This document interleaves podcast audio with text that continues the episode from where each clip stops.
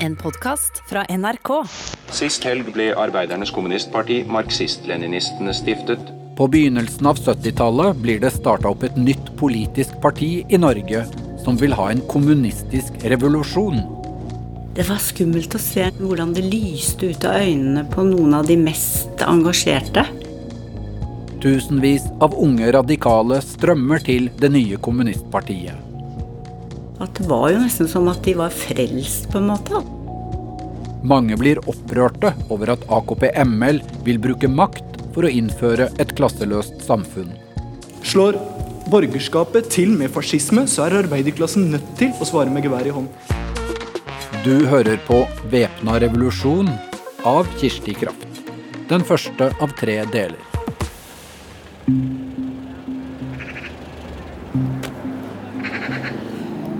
Fjerde juledag i 1972 arrangeres det et svært hemmelig møte på Sportsplassen på Bekkelaget i Oslo.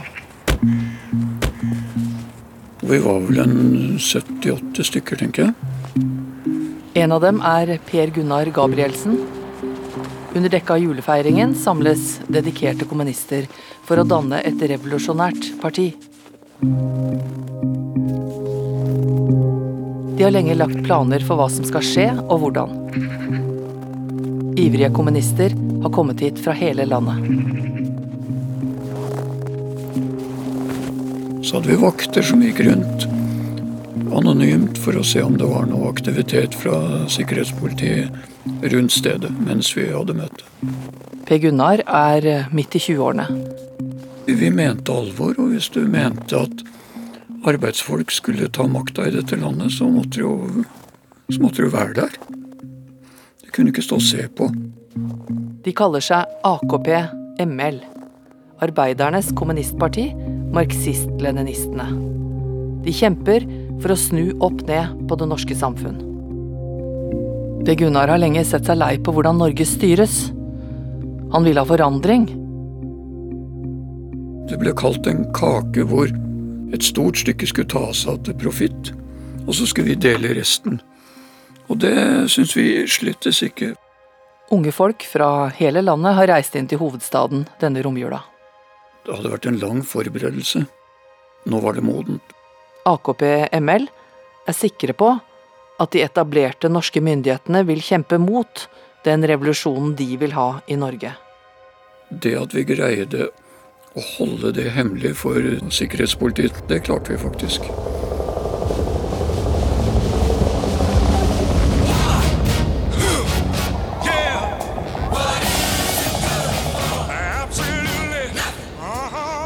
Over hele verden har det siden slutten av 1960-tallet vært studentopprør og protester. Den store kampsaken er USAs krigføring i Vietnam. Jeg blir veldig opprørt når du så bilder fra Vietnam hvor de napalmbombet og folk brant. Kina og kommunister over hele verden støtter Nord-Vietnam. Og USA kjemper på Sør-Vietnams side. Striden står mellom kommunisme og kapitalisme. Når vi demonstrerte utenfor den amerikanske ambassaden, så var det klart at vi var sinte. Og når noen da kasta stein på ambassaden og knuste vinduer, de hoppa opp og rev politifolk av hestene. Det var jo flere tusen etter hvert som gikk i Vietnam-demonstrasjoner. Sverre Knutsen er en av de dedikerte unge kommunistene som protesterer mot Vietnamkrigen. Han har vokst opp i et arbeiderhjem på Oslos østkant og er klassebevisst. Og det var også skarpe motsetninger. Også de som støtter USA, er ute i gatene. Arrangerte motdemonstrasjoner og ropte 'bomb Hanoi' og vi ønsker å stoppe kommunistene. Det er det amerikanerne ønsker på et tidlig tidspunkt. Ja, riktig. Vi ønsker å stoppe dem La land snakke. Kom igjen, da. Var det? Gir da han ordet til en kort Unnskyld, men Trond Øgrim har nettopp hatt ordet! Altså, hør nå her. Kamerater, venner, slengere fra høyresida. For min generasjon, og for mange, mange i Norge, så er seieren i Vietnam vår egen seier. En seier for det vi oppfatter som rettferdig, Vietnam er et lite land i den tredje verden. Undertrykt, utbytta, systematisk plyndra, holdt nede i underutvikling av imperialistiske kolonimakter. Folket har kasta ut inntrengerne, de har tatt sin skjebne i sine egne hender. Derfor speiler Vietnam verdens framtid.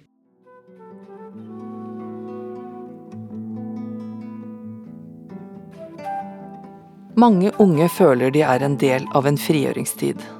En seksuell revolusjon og et opprør mot det etablerte. Gro Slettemark er ung student. Til og med så gikk vi jo toppløse mange ganger når det var varmt om sommeren. Ikke riktignok midt i gata, men i parken og sånn kunne gå med puppene løs. Gro er opptatt av rettferdighet på alle måter. Mellom kjønnene og mellom klassene i samfunnet. Hun tror på kommunismen. Jeg følte meg så fri og så sterk og suveren. Og jeg husker hvordan jeg gikk forbi en sånn der gjeng som sto utenfor en sånn eh, kiosk da jeg var på vei ned til stasjonen for å dra inn til byen. Og jeg kneiste med nakken og gikk forbi der, og de liksom tisket og hvisket. Har du sett hvordan hun kler seg? Og, og med lange, flagrende indiske skjørt. Ofte som, som bare knøt rundt meg. Og selvfølgelig ikke bh. Og så gjerne en sånn T-skjorte som var hjemmefarga, litt sånn med batikkmønster på, eller noe sånt. Og så sånne lærsmykker. Og så svære ringer i ørene, og så skjerf rundt hodet. Og så lite sminke. Egentlig ikke noe sminke. Men jeg lurte meg til litt, da. Men det var, skulle egentlig ikke det, da. I Norge blir den store politiske saken folkeavstemning om medlemskap i EEC. Forløperen til dagens EU. Kommunistiske unge er dedikerte på nei-sida. Det er lang vei til Stortinget, langt til kredittbankens palass. Men veien blir lenger til Brussel, langt fra din arbeidsplass. Så si ja til selvstendighet, ikke selv ditt land. Si nei til EEC, vær kvinne. Da gikk jeg på samtlige dører i Majorstua Frogner-området. Ringte på døren, sto med løpsedler og ville diskutere EEC for å vinne en opinion. Per Gunnar går trappeoppgangene opp og ned i hele området. Noen steder så fikk jeg jo døra rett i ansiktet, særlig på vestkanten. Vi som er unge, vi er ikke interessert i at man kaster bort tiden med å prate i Stortinget. Vi er ikke fornøyd med å være et offer for myndighetenes manipulasjon. Flertallet av politikere og næringslivet er for medlemskap i Den europeiske unionen. Det skal være folkeavstemning. Per Gunnar Gabrielsen er en dedikert nei-mann. Så hadde vi en demonstrasjon på Stortinget mot EEC, og da gikk vi inn i den okkuperte stortingsvestibylen. Vi var en 300-400 stykker som var der, og satt der til vi ble kasta ut av politiet. Og jeg var en av lederne i den aksjonen, sånn at jeg ble tatt. Så fikk jeg blitsen rett i ansiktet fra Aftenposten. Dette var en fredag, og lørdag morgen så sitter mor og far i senga og åpner avisa og ser sønnen sin. For å si det sånn, det var litt trå stemning i heimen etterpå. Etter at ungdommen er hivd ut fra Stortinget, går Kjell Langeland fra Høyre på talerstolen. Det har tidligere vært demonstrasjoner både utenfor stortingsbygningen og på Stortingets galleri. Men aldri før har det vært utvist sådan brutalitet og pøbelaktighet som denne gang. Det er selvsagt at presidentskapet vil treffe de tiltak som måtte være nødvendig for å hindre gjentagelse. NRK samler hele landet til valgnatt. Pila går fra ja til nei, fram og tilbake hele kvelden og natta. Vi er fremdeles i Bergen. Det er vi ikke i øyeblikket. Nå er vi i Studio 19 i Oslo, hvor vi for første gang i kveld kan bringe en landsoversikt som Norge sier nei til Europeisk union tidlig på høsten i 1972. Det gir venstresida troa på at det nytter å stå opp mot makta. Noen måneder senere, i romjula, stiftes AKP, i all hemmelighet. Sverre Knutsen blir en av de fem mannlige lederne på toppen. Vår visjon var at vi skulle avskaffe kapitalistisk økonomi og utbytting. Mange er redde for kommunister, og liker dårlig at det nå vokser fram et parti av unge radikale kommunister i Norge. Det vekker oppsikt og frykt. Dette vet medlemmene. Det er derfor de har holdt stiftelsesmøtet hemmelig i noen måneder. For at ingen skulle kunne stoppe dem, og fordi politiet ikke skulle kunne overvåke det hele. Men nå er det gjort, og i februar 1973 blir partiet offentliggjort. Regner dere med å få navnet Arbeidernes Kommunistparti godkjent av Kommunaldepartementet? Vi akter ikke å la oss bli kjeppjaga fra det ene navnet til det andre. Vi har tatt et navn, og det står vi på. Svarer Sigurd Allern, som nå er blitt den første partilederen i AKP. Det er noe spesielt ved det nye partiet som vekker reaksjoner. I AKPs partiprogram skriver de om det klasseløse samfunn som selve målet for partiet, og de utelukker ikke at på veien dit kan det bli nødvendig med en væpna revolusjon. Trond Øgrim, som også er en av lederne i AKP, må svare. Eh, revolusjon, Når vi bruker uttrykket revolusjon, så definerer vi det som en samfunnsomveltning. Det er ikke vi som bestemmer om den blir fredelig eller ikke. Der vil jeg få sitere Dutschke og bruke et uttrykk som heter motvold. Slår borgerskapet til med fascisme, så er arbeiderklassen nødt til å svare med vold. Og svare med gevær i hånd.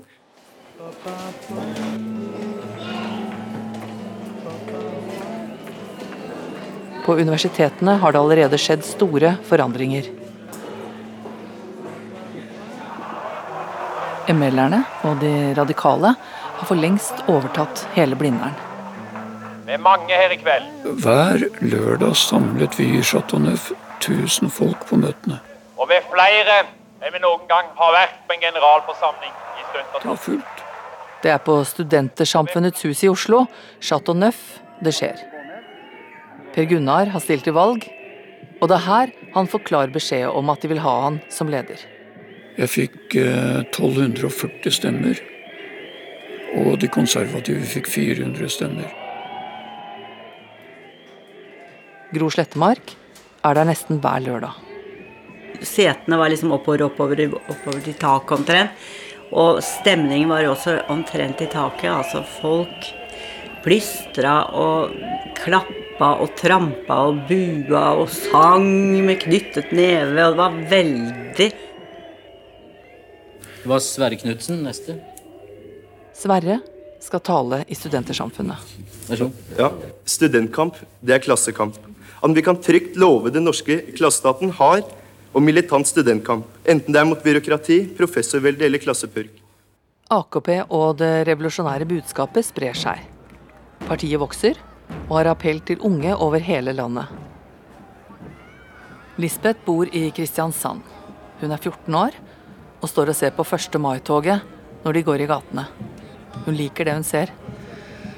Jeg var veldig stolt av at eh, folk eh, står opp for rettferdighet og lever det de sier. Lisbeth vinker til bestefaren sin i toget. Han er en solid arbeider som ser opp til Einar Gerhardsen. Hun beundrer han.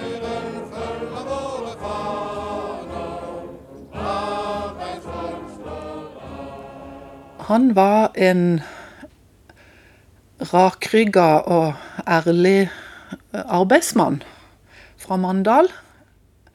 Og så var han en av de som var med på å bygge Folkets hus på dugnad. De leide sementfabrikken på kveldene og virkelig støypte stein for stein og bygde stein for stein. Han var heil ved. Lisbeth er nysgjerrig på sosialismen, selv om hun ikke kan identifisere seg med de folka i 1. mai-toget bestefaren og de andre med hatt og frakk går i. Når jeg på ungdomsskolen hadde oppdaga Rudolf Nilsen, arbeiderdikteren Rudolf Nilsen, og kom hjem, så ble han veldig stolt. Det starter med at hun skriver særoppgave om kommunistene i Kina og deres store leder, formann Mao. Jeg trodde jo at hele verden kom til å bli sosialistisk, og, og etter hvert et klasseløst samfunn. At folk kom til å reise seg mot urettferdighet, mot et kapitalistisk system som, som ødela verden, og som ikke var mennesker, men penger. AKP-ledelsen bestemmer at det skal arrangeres studiesirkler over hele landet. Fem-seks mennesker skal ukentlig møtes hjemme hos hverandre og lære mer om hva sann kommunisme er. Og spesielt om den kinesiske modellen. Lisbeth får tilbudet å bli med i en studiesirkel i Rød Ungdom, ungdomspartiet til AKP. Alt må være hemmelig. Vi skulle ikke fortelle til andre enn oss som skulle på studiesirkelen, hvor vi skulle hen. Inn på hybelen til en som heter Thor, som bodde i Kongens gate i sentrum i Kristiansand. Og da gikk vi inn gjennom et portrom, og så hadde han en hybel som var inne i bakgården. Og alle var veldig hyggelige. Partiet har bestemt at hemmelighold er viktig. Studiegruppene er ikke noe som skal være offentlig kjent. Vi skulle ikke fortelle hvem som var medlemmer, og det var en stor diskusjon om vi skulle ha medlemskort. Konklusjonen ble at det skulle vi ikke. De drikker te når de er sammen. Partiet forventer at medlemmene ikke kjøper eller drikker noe som kan kobles til kapitalisme eller USA. Ja, det Ja, det, altså vi, jeg tror vi, flei, vi drakk cola, men at vi fleipa litt med det. At det var noen som sa at vi kunne få uh, Altså, det var jo imperialistbrus, selvfølgelig. Når vi hadde studiemøte om væpna revolusjon, så kom jeg jo litt skeptisk til det møtet. Men så hadde jeg det store som skjedde den høsten, virkelig store som skjedde den høsten, det var jo at det var et kupp i Chile. Og da tok generalene makta, og den lovlig valgte presidenten Salvador Allende og mange, mange andre sosialister ble jo døde jo, og ble slakta på en stadion. Og, og de, dette var jo virkelig lovlig valgt. Og eh, en stor, brei bevegelse. Så det hvis en skulle få til den forandringa i samfunnet og den utviklinga i samfunnet som vi ønska oss, så måtte vi være forberedt på å forsvare oss. De i Chile de burde jo hatt våpen for å forsvare seg når generalene overkjørte det folkevalgte demokratiet. El Palacio de la Moneda. El gobierno que represento por la voluntad del pueblo.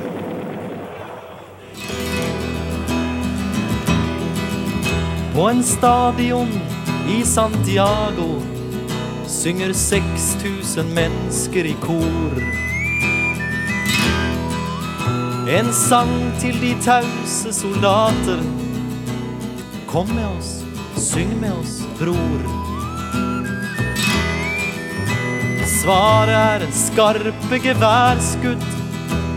Kampen er ulik, min venn. Det er stor entusiasme i hele partiet. Folk vil være med. Det dannes stadig nye lokallag over hele landet. Og så kommer det en invitasjon fra Kina. Noen har oppdaget det norske partiet med de mange unge, ivrige medlemmene. Det er Pål Steigan og Trond Øgrim som skal reise fra ledelsen. Så kjører de på flomlyset, så kjører de på TV-kameraene. Så skal jeg fram og hilse på Mao og prøve å si et eller annet fornuftig. Prøvde å si noe sånt som at vi var veldig imponert over Kina og at vi var veldig imponert over han og sånn. Så på toppen av det hele så hadde vi en, en, en tolk, en kinesisk tolk, som jo var livredd av at uh, han skulle tolke Gud selv, ikke sant. Det, så han var redd for å gjøre feil. Han uh, sa 'You're 21, is that right?' Jeg tror han syntes det var jævla morsomt at vi var så unge. Jeg tror han syntes det var kjempeartig. Og jeg tror at Dette var noe han fant på sjøl. At han hadde sett på gjestelista her er det noen folk fra den andre sida av kloden, og de er så unge. Dem vil jeg treffe.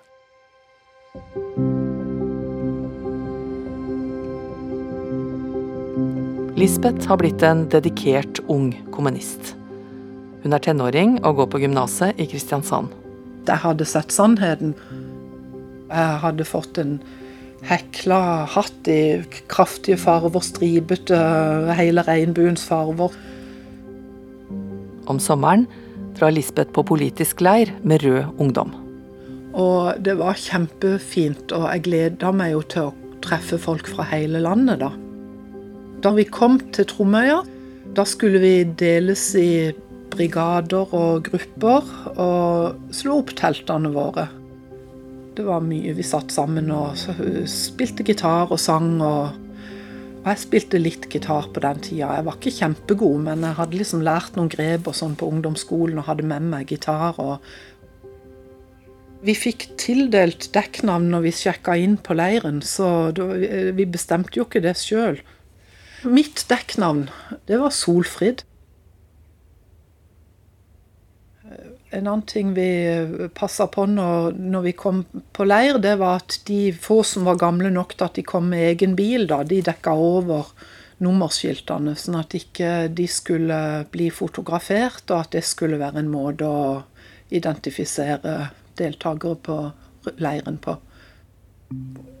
Da var dagen sånn at vi, vi våkna av en høyttaler der lederen i Rød Ungdom sa på en høyttaler Kamerater, nå er klokka halv åtte. Nå er det morgen. Nå er det på tide med morgengym.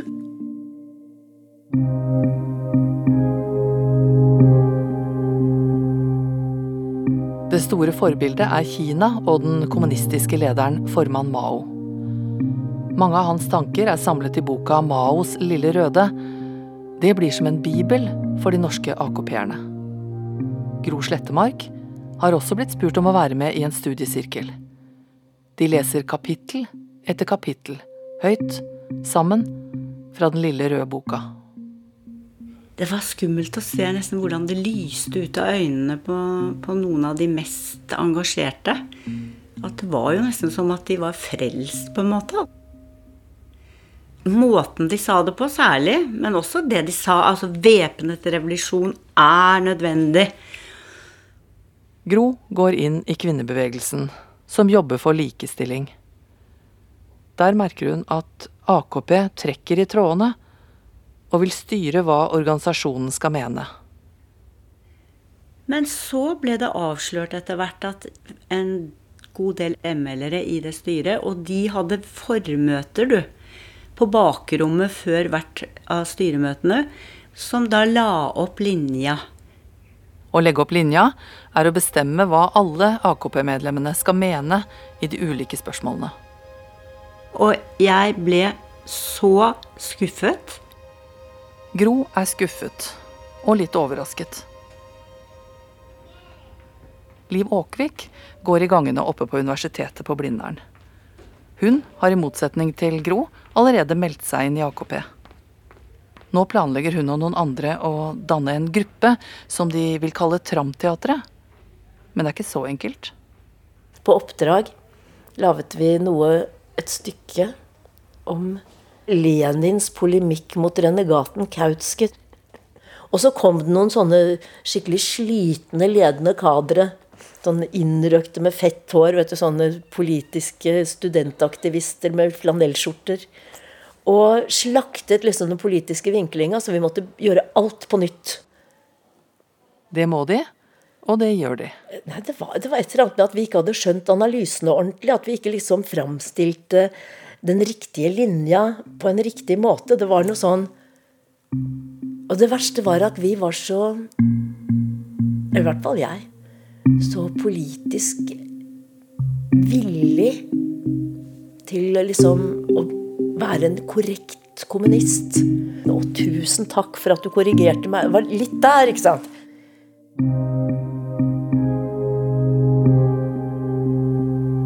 Jeg hadde litt samme forholdet til ML-bevegelsen som kristne har til Gud. Ideen om teatergruppa må drøftes med lederen i partiet. Så diskuterte vi det med forskjellige sånne folk som på en måte var overordnet oss da i som, som sa at eh, ja, det er veldig viktig at, eh, at eh, bevegelsen har politisk teater, men det er ikke sikkert at, at det er akkurat dere som skal gjøre det. Og en av gutta som er med i teatergruppa, skal bli kadervurdert. Det betyr at en leder i partiet skal vurdere han i forhold til ulike kriterier. Om han er god nok representant som partimedlem i AKP. Om han er politisk stødig. Hvordan livsstil han har. Om han bruker nok tid på partiarbeidet. Sånne vurderinger blir gjort med jevne mellomrom. Og Liv og en til sitter i samme rom og følger med når det skjer. De forteller da samtidig også om planene om Tramteatret. Lederen ser betenkt ut når han går ut. Og neste dag, neste dag, altså dette var om kvelden og neste morgen, i døra på SV-fakultetet, så treffer jeg en av de andre ML-erne i lagene på SV. Og så sier jeg hei, og så bare, bare går han forbi. Hilste ikke. Blir frosset ut. Og det, jeg skjønner ikke hvordan de klarte å få spredd det ryktet så fort at de folka der er ikke gode, så de, de er ikke med. Men Tramteatret ser dagens lys. Vi skal storme inn for å få dem ut. Vi skal avsløre alt de har sagt. For havet og olja og fisken er vår, og det skal bores i forsvarlig takt. Våre egne behov skal bestemme, ikke selskapets pengejakt. Vi skal storme inn for å få dem ut. Vi er tusen ganger flere, og vi har makt. Vi skal storme inn for å få dem ut. Vi er tusen ganger flere, og vi har makt.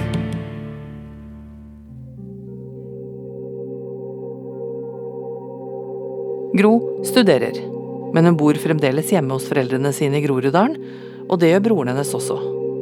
Han er overbevist, han har meldt seg inn i partiet. En dag skal hun ringe til en venninne. Da blir hun overrasket når hun tar av telefonrøret. Det var jo fasttelefon hjemme.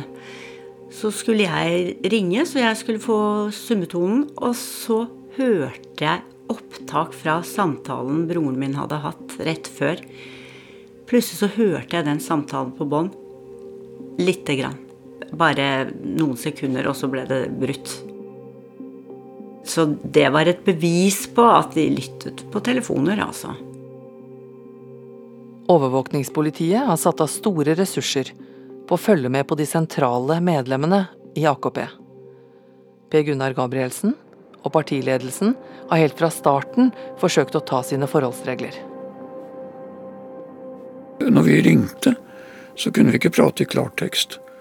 Vi hadde delvis koder, men vi, stort sett så ringte vi ikke hvis det var viktige meldinger som skulle gis. Vi brukte ikke telefon.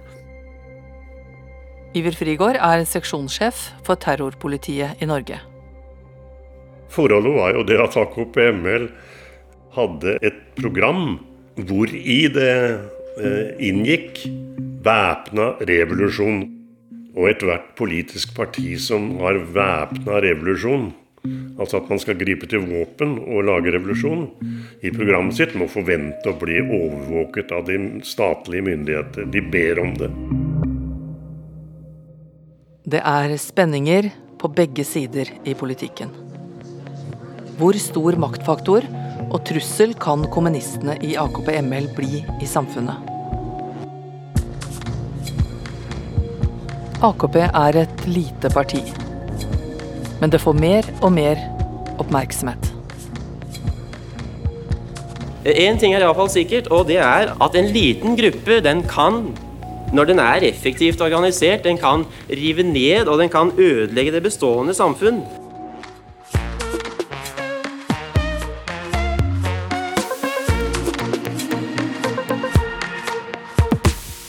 Du har hørt 'Væpna revolusjon' av Kirsti Kraft. Den første av tre episoder.